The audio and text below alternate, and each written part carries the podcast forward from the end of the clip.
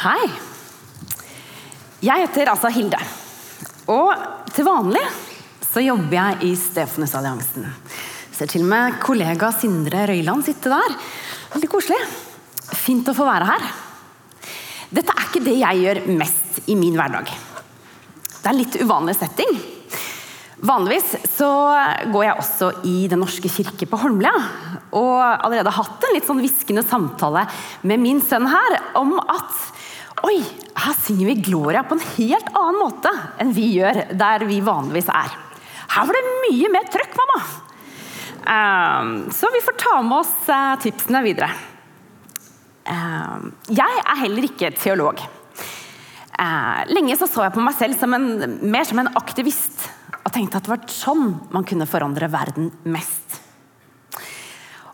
Perioder så blir jo aktivister trøtte og slitne. Eh, og det har jo også skjedd med meg opp igjennom. Eh, og, og, når man kanskje er som mest sliten, så er det ofte sånn at da sover man minst. Eh, og det, det, var en del liksom, netter hvor jeg lå våken og ikke fikk sove.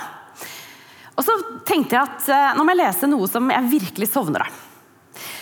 Eh, jeg kan ikke lese romaner som har liksom dramatiske hendelser, mye følelser. Jeg må lese noe som er liksom helt safe. Og da begynte jeg rett og slett å lese teologi. Jeg er gift med en teolog og en monoman bokelsker og ikke minst bokkjøper. Det er så mye bøker i vårt hus.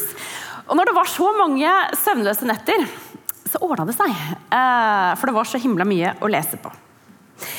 Eh, og så skjønte jeg kanskje at det bodde en litt sånn iboende teologisk nerd i meg òg. Eh, og det gikk kanskje fra å være en sånn sovemedisin til å bli plutselig et ganske stort fundament for min tro. Ikke bare at tro er noe vi gjør, men det er mulig å, å komme dypere. Og så må jeg gi en litt sånn shout-out til teolog, teologen Kenneth Bailey. Han er amerikansk, men har bodd omtrent hele sitt liv i Midtøsten. Skrevet veldig mye om hvordan folk i Midtøsten, både nå og på Jesu tid, har lest Jesus sine fortellinger. I dag er det fjerde søndag i fastetiden. Og vi er på en måte sammen på vei inn i påsken. Og dagens tekst den tar oss med direkte til opptakten før Jesus skal ri inn i Jerusalem. Han skal hylles av folkemengden. Og forventningene om at han nå skal frigjøre folket, er skyhøye. Før de faller helt sammen, og Jesus skal miste livet på ekstremt brutalt vis. Johannes, i sitt evangelium, så bretter han jo på en måte ut hele dette persongalleriet. De ulike gruppene som skal komme til å spille hver sine roller fram til korsfestelsen. Alle i hele dette området har nå fått med seg at Jesus sier om seg selv at han er Messias. Og Folkemengden er både virkelig begeistra og tvilende. De jødiske lederne har lenge sett etter en mulighet til å pågripe Jesus. Og i Jerusalem så er de romerske soldatene til stede overalt. Hvis noen truer romernes okkupasjonsmakt, vil de bli drept på så brutalt vis som mulig. For å skremme alle andre fra å prøve seg på det samme. Og I noen år nå så har jo disiplene og Jesus kunnet vandre litt mer sånn ubemerket rundt omkring i Galilea. Og i disse liksom mer usentrale områdene. Jesus har helbredet syke, skaffet mat til ødemarken, diskutert med disiplene. Han har undervist folkemengdene der. Men månedene før Jesus skal ri inn i Jerusalem som en helt annerledes konge, strammer det seg til betraktelig.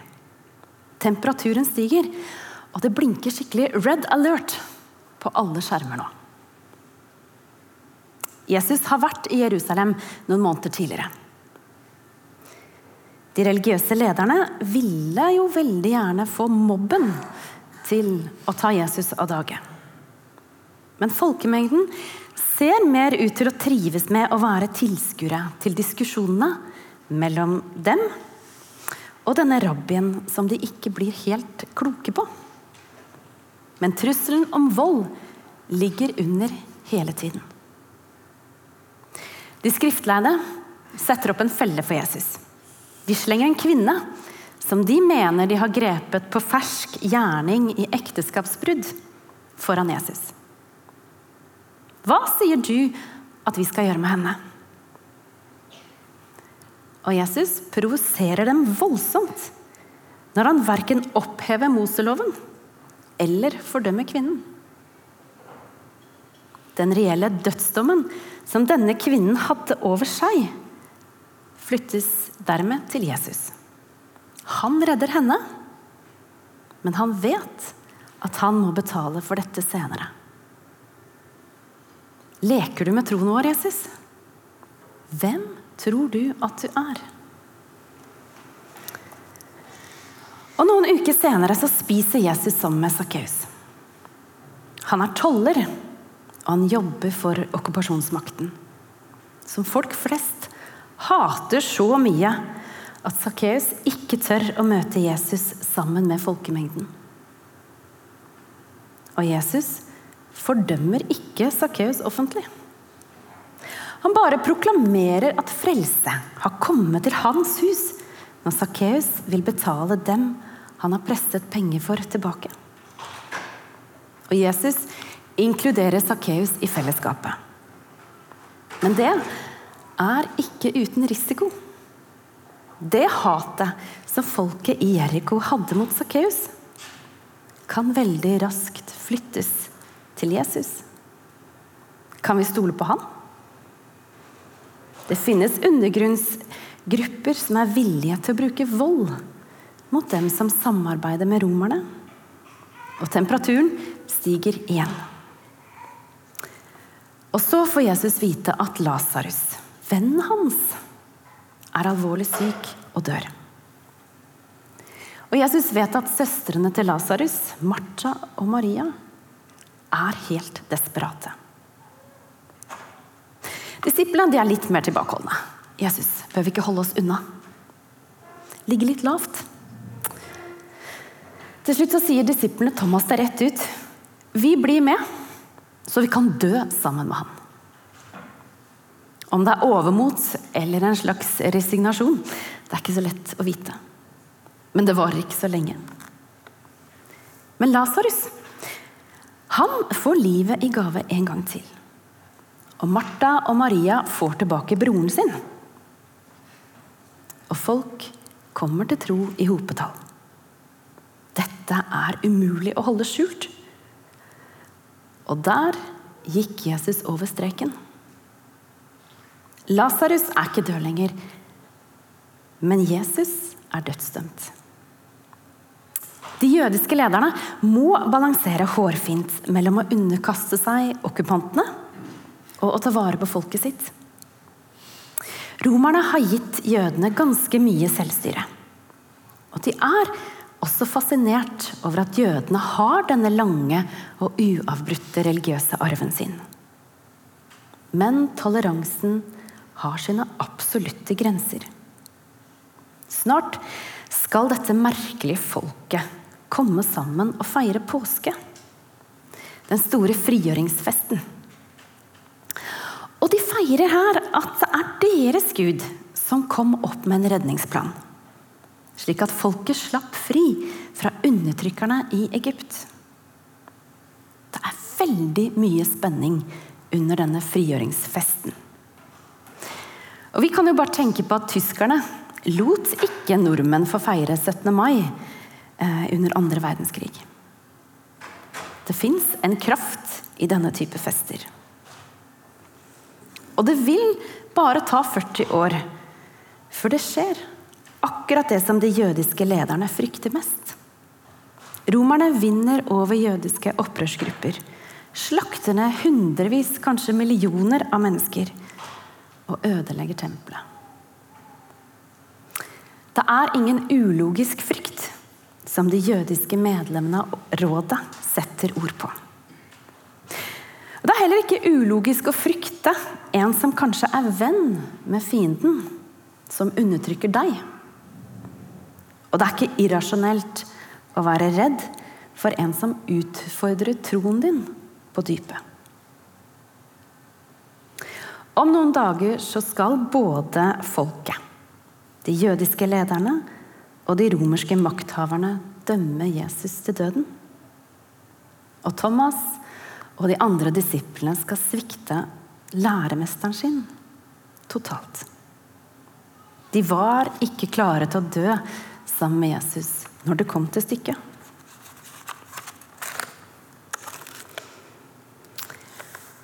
Jeg jobba i Stefanusalliansen i tolv år.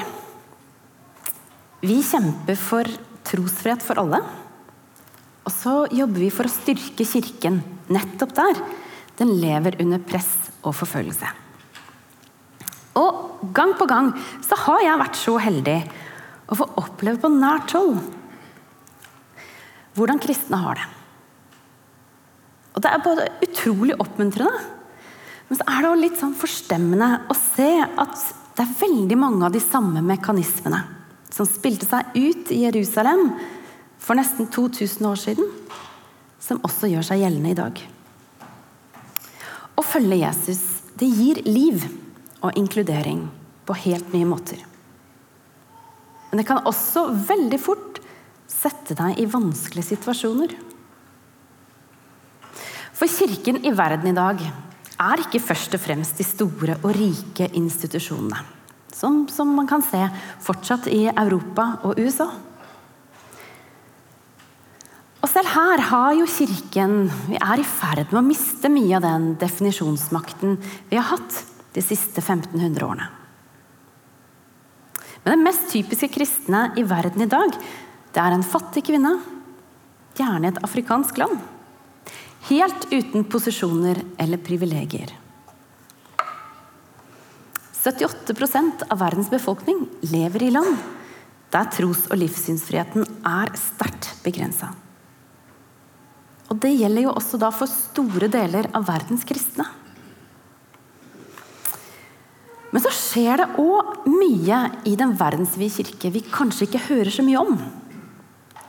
Veldig mye av veksten i dag skjer også i det skjulte. I land som Midtøsten og i Asia i India, som snart er verdens mest folkerike land, vokser kirkene mye, mye mer enn det som er synlig i statistikkene.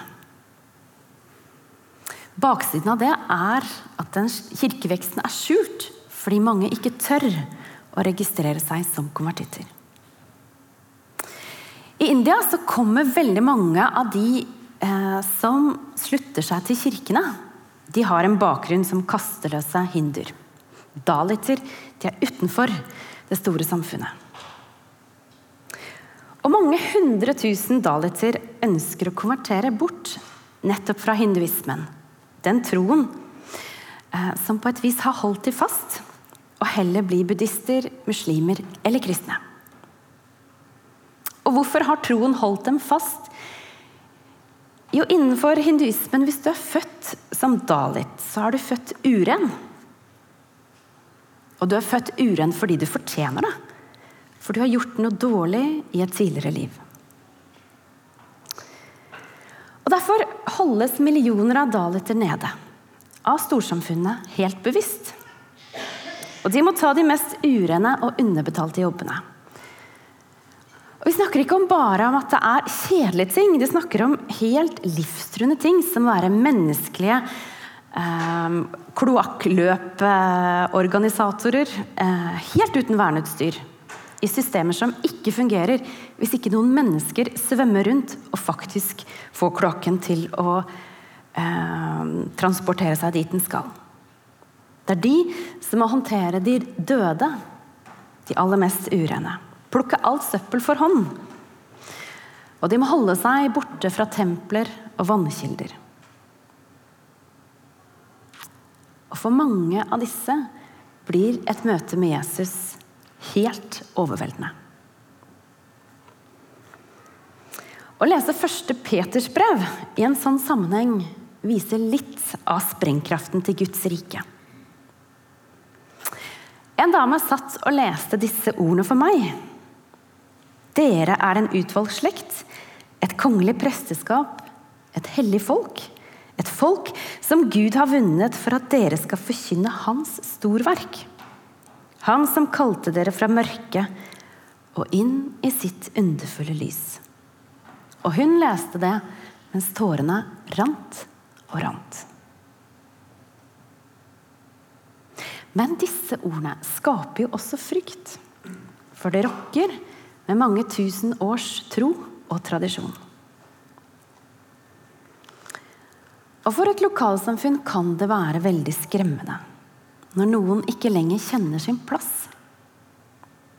Ikke lenger finner seg i å bli utnytta. Ikke godtar at de ikke får hente vann av samme brønn, eller fiske i samme innsjø, eller sende barna på samme skole. Men hvem står egentlig disse nyomvendte i ledtog med? Er det gamle kolonimakter som skal undertrykke oss? Anerkjenner de ikke at vi pleide å ha makt over dem? I fjor var det en sørgelig rekord i antall anmeldte angrep mot kristne i India. Og For en måned siden så samlet 22 000 kristne seg i New Delhi. Og virkelig ropte ut.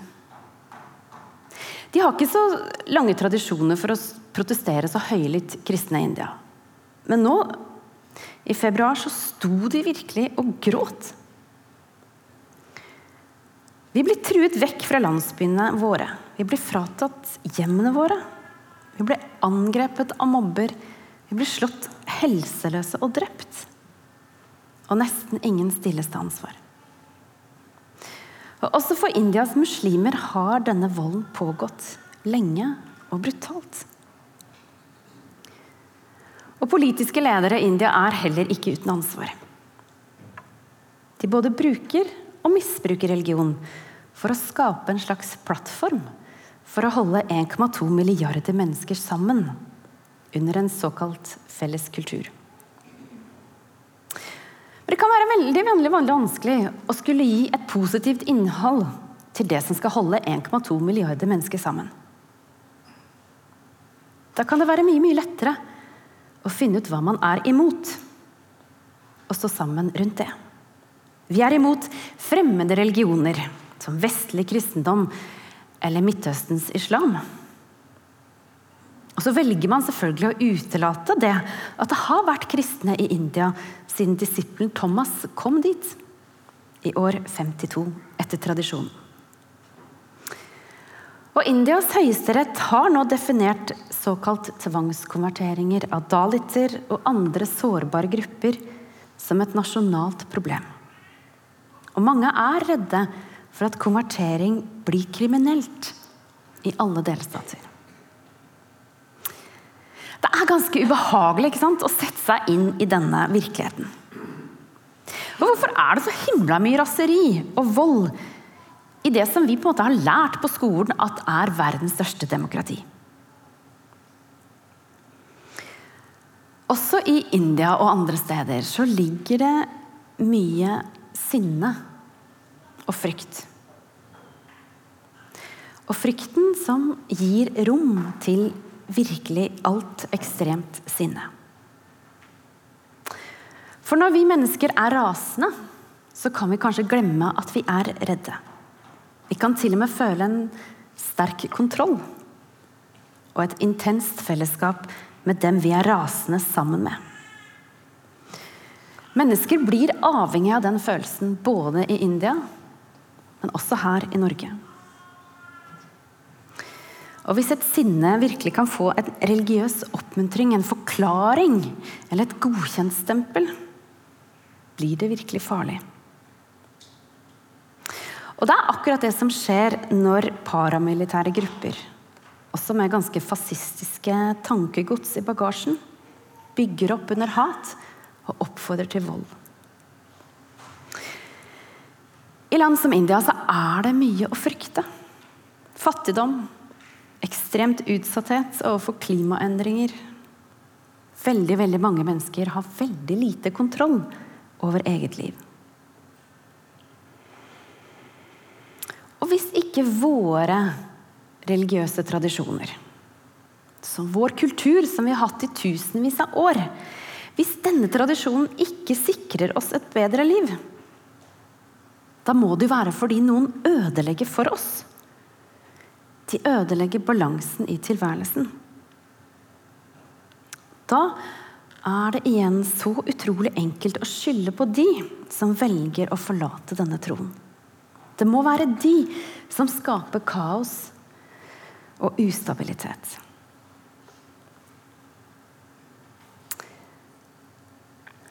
Men sånn som Jesus viste i alle sine møter, så var det mulig å møte motstand fra religiøse autoriteter. Eller fra samfunnet rundt, folkemengden, eller staten og de politiske lederne. Man kan møte det på en offensiv måte. For der det er en viss logikk i frykten, er det noen ganger mulig å vise til en annen og enda dypere logikk. For i det lange løp så taper jo virkelig alle når frykten styrer. Ingen er trygge når volden får herje fritt. Det er rett og slett veldig lite varig glede i å undertrykke de svakeste. For hva skjer den dagen jeg også mister min makt? Vi som er kristne her i Norge, vi kan ta oppfordringen fra kristne i India, som står og roper etter at vi skal stå sammen med dem i bønn. Og den oppfordringen kommer også fra den hele verdensvide kirke. Helt unisont. Fra mennesker som lider i Afghanistan, som jeg har hørt om. Eller mennesker i Midtøsten, som er i ferd med å miste sine 2000 år lange kirkesamfunn.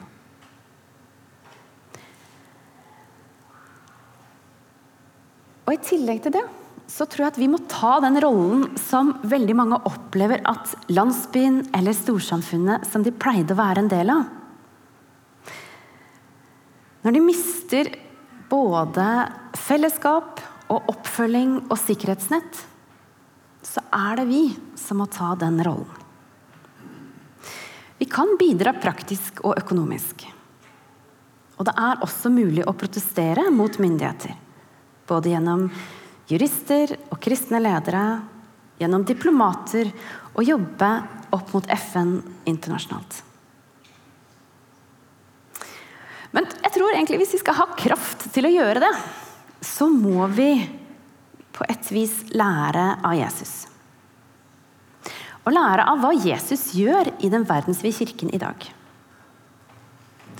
For vi står ikke bare overfor et hav av behov. Vi får også møte mennesker som lever troen ut, og er de trosforbildene som vi trenger. For hvorfor i all verden holder mennesker ut når troen på Jesus møter så mye motstand? Jesus gikk ikke bare i døden for vennene sine. Ikke bare for Lasarus eller Sakkeus eller denne kvinnen uten navn. Det hadde kanskje vært et utrolig vakkert eksempel. Men ikke noe mer. Og i tiden før Jesus blir korsfesta, så blir alle avkledd. Alle rundt Jesus er skyldige i tidenes feigeste svik eller i råe maktspill. Alle bærer en del av skylden. Derfor dør Jesus for alle. Og der fikk øverstepresten Kaifas helt rett. Og rett før Lasarus blir gjort levende igjen, så har Jesus en skikkelig intens samtale med søsteren Martha. Og han sier rett ut Jeg er oppstandelsen og livet. Den som tror på meg, skal leve om han enn dør.